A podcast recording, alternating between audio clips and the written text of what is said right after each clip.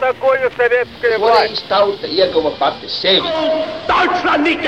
Liktenīgas nejaušības un slēptas likumsakarības, subjektīvas patiesības un objektīvi aizspriedumi. Pēc atkušņa nekad nenāk uzreiz pavasars, bet sākās Arī šodien cilvēki ir ļoti tuvredzīgi. Viņi redz to naudu, kas ir. Televīzijā jau pamatā notiek cīņa par varu.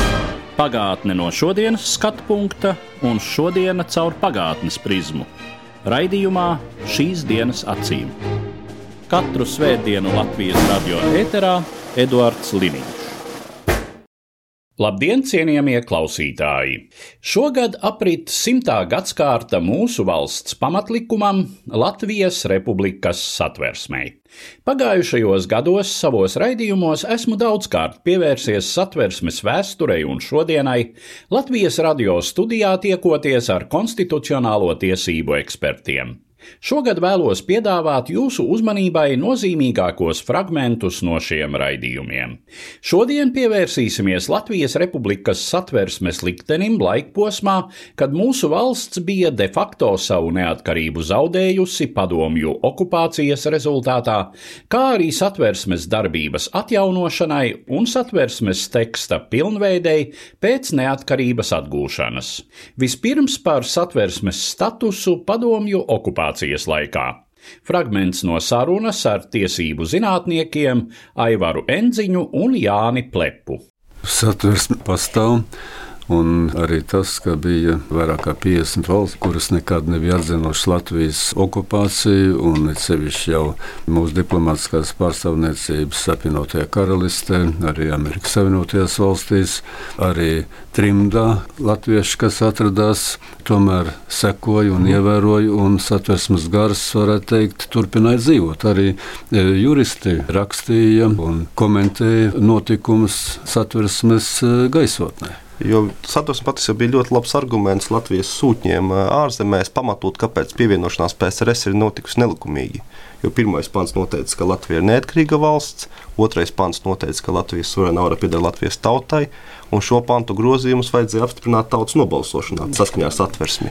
Un tā arī Kārlis Zariņš un Alfreds Bilmanis parasti rakstīja. Viņš citēja šos pantus, norādīja, ka bija jābūt tautas nobalsošanai, un teica, ka 40. gadā nav notikusi šī tautas nobalsošana. Un arī saistībā ar tā saucamās piektās saimnes vēlēšanām. Tā sauktās tautas saimnes. Tautas saimnes vēlēšanas, ja, kas bija pilnīgi pretrunā ar satversmes nostādni, arī ar saimnes vēlēšanu likumu.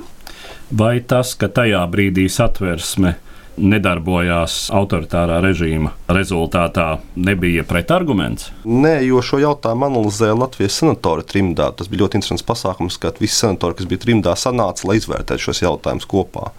Un viņi secināja tā, ka satversmes darbība bija saistīta ar ministru kabinetu Ulmaņa vadīto, kas uzņēmās veikt reformu. Un tajā brīdī, kad Ulmaņa kabinets piekrita PSRS valdības notai un atkāpās, tad satversme it kā varēja tikt piemērot, jo tas kabinets, kas uzņēmās veikt satversmes reformu, pašatlaidās. Nu, viņi veidoja tādu juridisku konstrukciju, lai pamatotu, bet jāteic, ka Padomju Savienība laikam īpaši necentās tur argumentēt ar satversmes normām, jo viņiem bija tie argumenti par revolucionāro situāciju un proletariāta un nabadzīgās zemniecības vēsturiskajiem lēmumiem, kas tiek pieņemti, lai gāztu buržāzisko iekārtu. Nu, arī saistībā ar 1919. gadu, Jā. kad Sociālistiskā republika īsu brīdi pastāvēja un tā, tā saucamā stučkas. Latvijas Sociālistiskās Padomju Republikas satversme, kur bija skaidri un gaiši deklarēta proletariāta diktatūra. Uh -huh. nu, tas būtībā arī tālāk tiek akceptēts no padomu varas puses. Nu, mēs varam tātad secināt, ka katrā ziņā trimdā esošie Latvijas tiesību speciālisti neapšaubīja satversmes autoritāti un, kā jūs teicāt, satversmes gars palika dzīvs. Kā bija ar juristiem padomju Latvijā? Nu, es saprotu, ka oficiālā nostādne visnotaļ paredzēja šīs satversmes kritizēšanu un noraidīšanu faktiski kā buržāziskas satversmes, tātad nepareizes. Un cik vispār tā laika Latvijas tiesību speciālisti runāja par neatkarīgās Latvijas satversmi? Laikam praktiski tikai kritiskā aspektā, bet ļoti maz vairāk jau tiek attīstīts saistībā ar šo Stučkas laika un dalību PSRS tādā aspektā. Runājot par padomju Latvijas tiesību sistēmu, vai tai ir bijusi kāda ietekme uz to, kas šobrīd ir atjaunotās Latvijas tiesību sistēma vispār?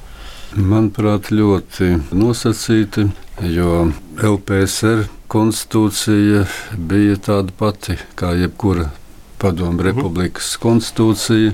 Vienīgais, ko es varētu varbūt teikt, ka pēdējie grozījumi, kas tika izdarīti PSRS konstitūcijā, jau kad sākās eh, atmoda un kad bija mēģinājums panākt arī lai adekvāti grozījumi tiktu paredzēti arī Latvijas PSR konstitūcijā. Tas ir sevišķi saistībā ar tautas deputātu vēlēšanām un paredzēt nevienlīdzīgas vēlēšanas, jo šie grozījumi PSRS konstitūcijā un pēdējā PSRS tautas deputātu vēlēšanas, kur bija noteikti šīs kvotas kompartijai, komunatnai, arotbiedrībām, tur kolhoznieku savienībai, mākslinieku savienībām, kuras tika ievēlētas attiecīgi kongresos vai plēnumos tādā veidā. Un pretstatā arī tiešās vēlēšanas, kur vairāk mandātu vēlēšana apgabalu un tika ievēlēti PSRS tautas deputāti. Līdzīgi gribēja arī panākt pie mums. Tomēr mums izdevās to nepieļaut, un rezultātā augstākā padoma, kas tika ievēlēta jau demokrātiskā veidā, protams, tā laikā nevarējām nekādīgi panākt to, ka izslēgtu no tiesībām tikt ievēlēti PSRS bruņoto spēku pārstāvi, kas šeit bija. Bet katrā gadījumā gadījumā šāda kvotu sistēma, ka tiktu veidot augstākā padome pēc partijas piedarības vai pie attiecīgas politiskas organizācijas piedarības, tas netika pieļauts šai starplaikā starp Latvijas demokrātijas likvidācijas brīdi un tās atjaunošanu jau pagājušā gadsimta 90. gados. Kas bija mainījies šajā periodā Eiropas un pasaules priekšstatos par konstitucionālajām tiesībām? Es pieļauju, ka visdrīzāk mēs varam paskatīties tiem grozījumiem, kas bijuši satversmē pēc atjaunošanas, un ļoti vienkārši uzreiz visu redzēt. Pirmkārt, cilvēktiesību lomas nostiprināšanās, jo līdz 98. gadam satversmē nebija iekļauta cilvēktiesību nodaļa. Un tas bija noteikti pēc otrā pasaules kara lielākais attīstības vilnis, kas notika gan reģionālā, gan pasaules mērogā, kad tika atzītas cilvēktiesības. Būtībā sakot, ar 1948. Uh -huh. gada vispārējo cilvēktiesību deklarāciju, ko apvienotās nācijas pieņēma, tad 96. gada šie divi starptautiskie pakti par uh -huh. cilvēku politiskām, ekonomiskām, kultūras tiesībām visām, arī Eiropas padomus ietvaros cilvēktiesību aizsardzības konvenciju. Tas deva impulsu un vēl augstāk augstākā padome pieņēma tā saucamo konstitucionālo likumu par cilvēku un pilsoņu tiesībām un pienākumiem, bet tas bija tikai nosaukums pēc konstitucionālais. Viņš bija tāds pats eh, likums un konstitucionālais attīstība noteica to, ka cilvēktiesībām ir jābūt nostiprinātām konstitucionālā līmenī. Tātad -huh. visaugstāko juridisko spēku. Mēs to varējām izdarīt tikai 98. gadā, kad tika ieviests satversmē 8. nodaļa. Kaut gan atcerēsimies arī satversmes pieņemšanu, kur satversmē bija paredzēta otrā daļa - cilvēka pamatiesības, un faktiski šis dokuments ar, varētu teikt, dažiem izņēmumiem bija ar ļoti demokrātiski ievirs, kas pat priekš tā laika posma bija, nu, varētu teikt, izteikti demokrātisks. Kaut vai, teiksim, nav sot aizliegums kā tās. Droši vien, ka tad mēs varam teikt, ka Latvijas satversme kāda tā tika pieņemta jau pagājušā gadsimta 20. gados, bija savam laikam ļoti progresīvs dokuments. Neapšaubām, ka tas bija progresīvs dokuments, un kaut kur es portālā politika, viens angļu Skotu, autors, jā. Skotu profesors. jā, kurš izteicās ļoti pozitīvi tieši arī pēc tās uzbūves un pēc stila, ka tas mm. nav tāds milzīga apjoma un pārmērīgi detalizēts dokuments kā pozitīvs. Un nu pievērsīsimies satversmes darbības atjaunošanai 1991. gadā un papildinājumiem, kādus satversme piedzīvojusi pagājušajās desmitgadēs. Mani sarunbiedri, Latvijas valsts prezidents, sarunas ierakstīšanas laikā Eiropas Savienības tiesas tiesnesis Egils Levits un Eiropas cilvēktiesību tiesas tiesnesis Mārtiņš Šmits. Mēs zinām, ka jau 34. gadā gandrīz tika pieņemti būtiski grozījumi satversmē. Pirmām kārtām runa ir par tautas vēlētu prezidentu arī par mazāku saimas sastāvu, vai 90. gadu sākums tomēr nebija īstais brīdis, kad veikt zināmus grozījumus. Atjaunojot satversmi 93. gadā, tā tika atjaunota tāda, kāda tā darbojās līdz 34. gada 15. maijam. Ar to, kad tika atjaunota šī satversme, tika uzsvērta valsts nepārtrauktība, valsts kontinuitāte no valsts tiesiskā viedokļa. Tas bija viens faktors. Otrs faktors bija tas, ka Toreiz tādos apstākļos, kādā darbojās Tautas fronte, es domāju, ka būtu grūti radīt jaunu kvalitatīvu konstitūciju. Tādēļ, ka priekšstati par to, kā darbojas demokrātiska valsts, toreiz bija vēl visai vāji. Kaut gan faktiski cilvēktiesības darbojās saskaņā ar 91. gada konstitucionālo likumu, tiesas nepiemēroja šīs cilvēktiesības, jo neprata piemērot. Un es domāju, ka ja toreiz būtu izstrādāta jauna konstitūcija, tad mēs visu laiku censtos tās kļūdas, kas tur tiktu ielaistas, mazināt un grozīt. Tā nebūtu stabila konstitūcija. Tādēļ man šķiet, ka tas arī bija pareizais ceļš atjaunot satversmi, kas ir, es teiktu, normāla, demokrātiskas, parlamentāras republikas konstitūcija, un tad tūlīt pēc tam jau ķerties pie atsevišķu bloku uzlabošanas. Un lielākais bloks, kas nāca klāta satversmē, bija 98. gada cilvēktiesību nodaļa. Par to varbūt Mārtiņš var pastāstīt. Es pilnībā pievienojos Levita kunga domu gājienam, jo šo gadu laikā, manuprāt, mēs esam pārliecinājušies par to, ka satvērsme ir ļoti darboties spējīga konstitūcija, ļoti labs instruments, kuru var pielietot praksē gan tiesneši, gan ik viens cilvēks, kuram ir jānodarbojas ar juridiskiem jautājumiem. Lielākais satvērsmes trūkums, raugoties no demokrātiskas, tiesiskas valsts viedokļa, bija tas, ka neatkarības perioda laikā satvērsme netika papildināta ar sadaļu par cilvēktiesībām. No otras puses, varbūt tas arī ir pat labi, jo tā kā cilvēktiesības tika izprastas pagājušā gadsimta pirmajā pusē, būtu vajadzīgi ļoti nopietni grozījumi šodien, lai šī cilvēktiesību sadaļa varētu darboties.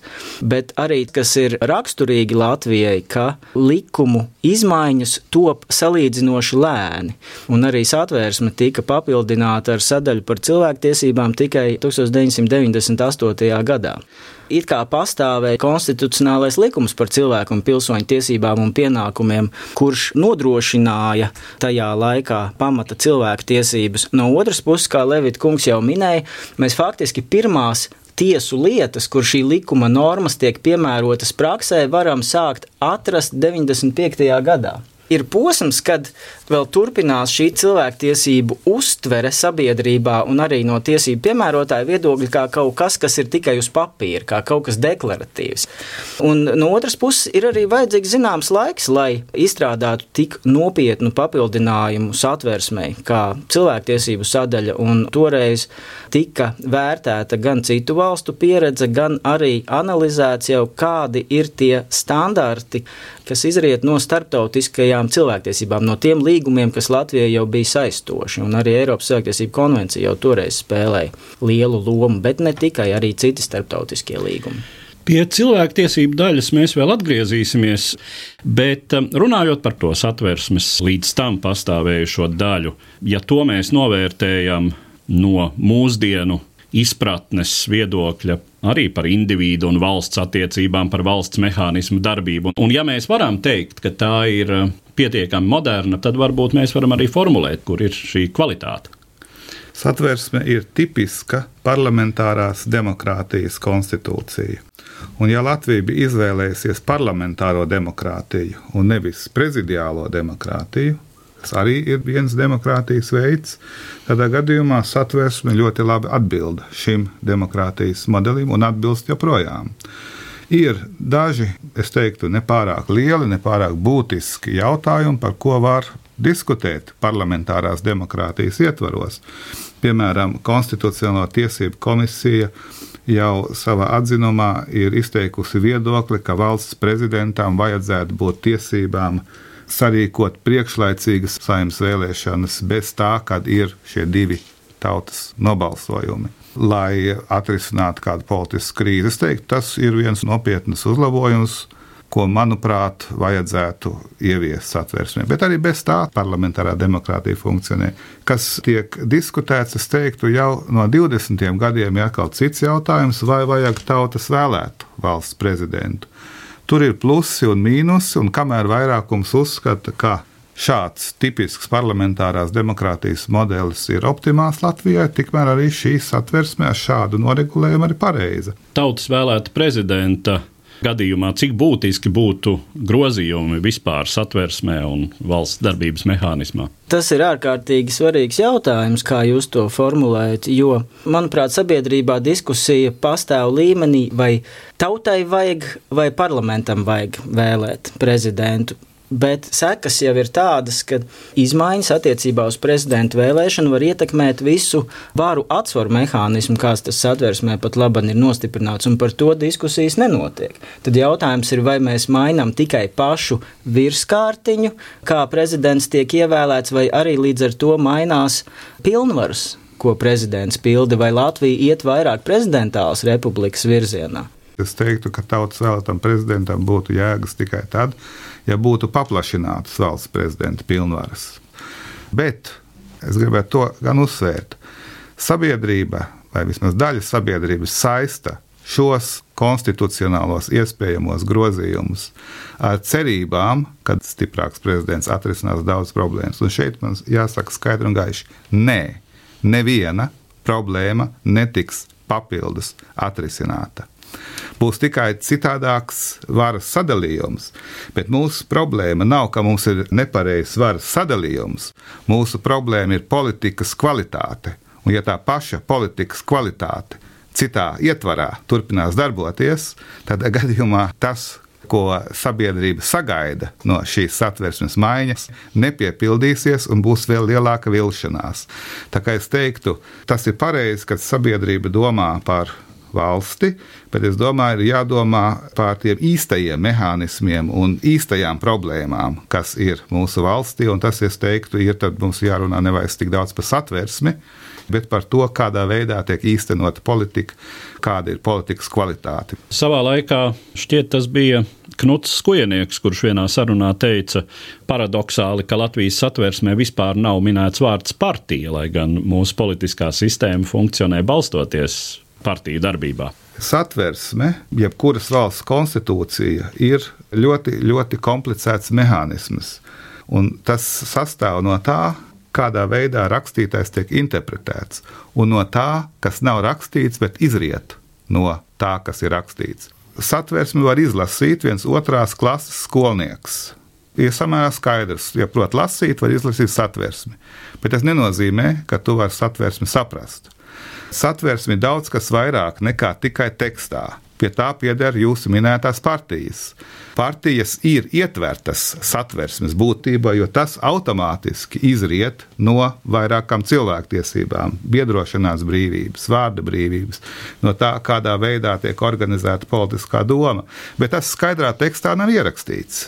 Un tas ir vairāk nevis satversmes būtības jautājums, bet kādā veidā tas, kā funkcionē valsts, tiek ierakstīts tekstā. Un, protams, ir, es teiktu, no pedagoģiskā viedokļa varbūt labāk, kad ir vairāk ierakstīts tekstā. No otras puses, tas nedrīkst arī būt pārāk daudz, jo pārāk daudz teksta padara jebkuru likumu, bet sevišķi arī konstitūciju nefleksiblu. Satvērsme ir formulēta ļoti lakoniskā veidā.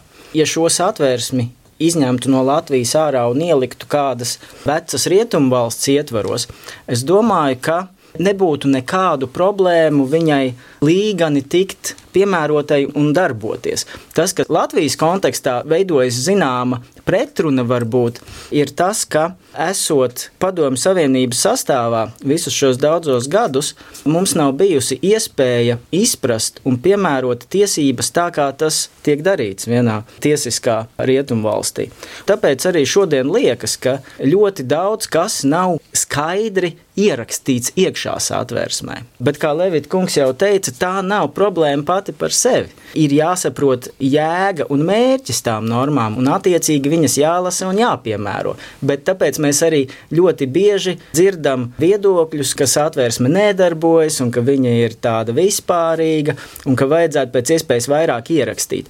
Bet šādiem argumentiem vajadzētu izskanēt skaļāk uzreiz pēc neatkarības atjaunošanas un samazināties laikam ejot, jo satversme jau apauga arī ar to praksi. Ar valstisko domu. Tieši tā. Ar domu. Un līdz ar to, jo vairāk laiks iet, jo samazinās argumenta spēks, ka būtu jāraksta jauna konstitūcija Latvijai.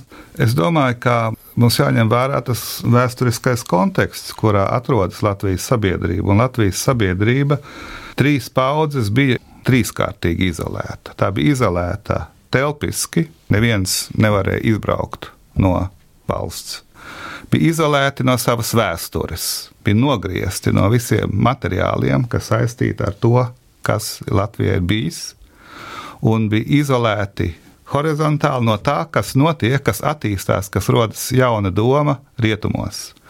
Un šī trīskārtējā izolācija ir novedusi pie tā, ka mums valstiesiskā doma, valstiesiskā izpratne nav pietiekoši dziļa, lai satversme pietiekoši labi, varbūt optimāli funkcionē. Es teiktu, ka tas uzlabojās, bet joprojām mēs varam teikt, ka mums ir šī valstiesiskās domas kārtiņa ļoti plāna. Tādēļ atsevišķos gadījumos, un es atkal minēšu preambulu, labi, ja šīs pamatvērtības tiešām melns un balta uzrakstītas, un katrs var viņas izlasīt un teikt, tās tiešām ir valsts pamatvērtības. Mēs varam redzēt arī to, ka tās konstitūcijas, kas ir rakstītas pēc otrā pasaules kara, sevišķi pēc 90. gadiem, tur šīs preambulas ir izvērstākas. Un tur vairāk tiek ierakstīti šie pamatprincipi. Ne jau tādēļ, ka tie nebūtu līdz šim bijuši, bet vienkārši tādēļ, lai es teiktu, tiešām katram pilsonim būtu skaidrāks, kas ir šī valsts, kāda ir pilsoņa atbildība par šo valsti. Piemēram, to nevar izlasīt satversmē, Tādēļ atsevišķos gadījumos, bet ierobežotos gadījumos, es domāju, ka pamatprincipus, pamatvērtības tiešām vajadzētu atspoguļot satversmes tekstā. Tā ir tāda interesanta tendence, tā kā balansēšana starp diviem galējiem risinājumiem. Ja no vienas puses būtu tikai pašu principu noteikšana satversmē un likumos, un otrā pusē būtu ārkārtīgi detalizēta cenšanās visus iespējamos gadījumus noregulēt. Plus vēl ņemot vērā Latvijas vēsturisko faktoru, ka šajā brīdī it kā par labu runātu tam detalizētākam risinājumam, bet tas ir tikai laika jautājums, jo atkal laikam ejot, nepieciešamība pēc detalizācijas samazinās. Un, man liekas, tas arī ir pareizais ceļš. Likumos nostiprināt pamatprincipus, pat varbūt tad, ja pamatprincipiem būtu vieta tiesību teorijā drīzāk nekā likumos, tad šajā brīdī Latvijā varbūt ir svarīgi to darīt likuma tekstā. Un tāds piemērs ir administratīvā procesa likums, kur faktiski ir ielikti iekšā tiesību teorijas pamati, kas pārsniedz administratīvā procesa likumu. Viņš attiecas uz visām tiesību nozarēm Latvijā. Un to pašu var attiecināt arī uz satvērsmi. Ja mēs gribam kaut ko būtisku pilnveidot satvērsmē, nemainot tās valodu, jēgu un mērķi, tad labākais veids ir to darīt caur pamatprincipiem, kā piemēram papildinot preambulu. Tātad šis izpratnes moments, ka būtiskākais nav viss satversmes burts, bet tās gars un šī gara dzīvošana mūsu sabiedrībā. Un citiem vārdiem, tiešām katra pilsoņa izpratne un arī droši vien var teikt izjūta par to, kāda nozīme ir satversmei un kā tā funkcionē. 98. gada satversmes papildinājumi, tātad cilvēku pamatiesību nodaļa, kas parādās satversmē, kuri bija tie paraugi, tie avoti. Toreiz liela ietekme bija būtiskiem starptautiskajiem līgumiem, kas tobrīd Latvijai jau bija saistoši gan abiem 1966. gada starptautiskajiem paktiem, kas ir pieņemti apvienoto nāciju organizācijas ietvaros, gan arī Eiropas cilvēktiesību konvencijas. Tajā projektā, kas sasniedza saimu tajā laikā, bija ņemti vērā cilvēktiesību pamatprincipi arī no dažādu valstu konstitūcijām. Šīs tiesības tika pārņemtas. Satvērsmes 8. nodaļā mums ir 89. pants, kurš pamatot ņemot vērā Latvijas vēsturi, skaidri pasaka, ka cilvēktiesības Latvijā ir jānodrošina saskaņā ar satvērsmi, Latvijas likumiem un saistošiem starptautiskajiem līgumiem. Tātad sekošana tiem vispār akceptētajiem starptautiskajiem standartiem ir ielikti mūsu izpratnē par cilvēktiesībām, un tie ir jāņem vērā, kad mēs domājam par cilvēktiesību jautājumiem Latvijā. Ja mēs salīdzinām mūsu satversmi ar uh, citu valstu konstitūcijām šai cilvēktiesību aspektā, es teiktu, ka 90% no šīm cilvēktiesībām ir tādas pašas kā visās pārējās Eiropas Savienības valstīs. Ir dažas specifiskas cilvēktiesības, kas izriet no Latvijas specifikas. Piemēram, kā diskriminācijas aizliegums ir īpaši izcelts partijas piederība. Nevienu nedrīkst diskriminēt partijas piederības dēļ. Tas ir specifisks Latvijas teksts, tādu mēs neatradīsim citur. Katrā valstī ir sava neliela specifika, bet tā kā Eiropa veido kopēju, es teiktu, cilvēku tiesību telpu ar kopēju standartu, tad 90% ir kopējs. Varbūt viena atšķirība no daudzām citām konstitūcijām attiecas uz to pašu satvērsmes valodu. Tā ir ļoti lakoniski formulēta. Jā. Varbūt tas arī ir bijis viens no apstākļiem, kas ietekmējis to, ka tiesas, un jo īpaši satvērsmes tiesa, ļoti atvērti raugās uz starptautiskajiem cilvēktiesību līgumiem. Un līdz ar to, lai noskaidrotu, kāds īsti ir satversmes cilvēktiesību standarts un kā to piemērot konkrētajā lietā, satversmes tiesa un arī lielā mērā vispārējās jurisdikcijas tiesas ir gatavs skatīties, kā to savā praksē ir darījušas starptautiskās cilvēktiesību institūcijas un galvenokārt Eiropas cilvēktiesību tiesa. Latvijas kontekstā jāsaka, ka tā ir ļoti pozitīva tendence.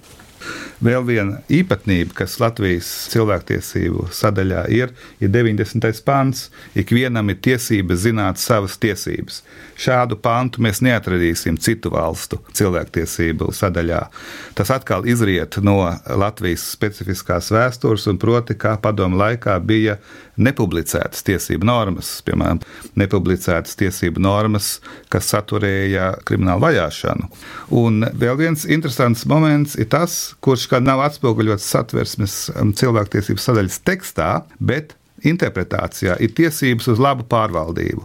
Tiesības uz labu pārvaldību, kā cilvēktiesības, Rietumē Eiropā sāka attīstīties tikai 90. gados, bet Latvija ļoti ātri jau integrēja šīs cilvēktiesības uz labu pārvaldību savā tiesību interpretācijā. Es teiktu, varbūt ātrāk nekā daudzas citas Eiropas valstis.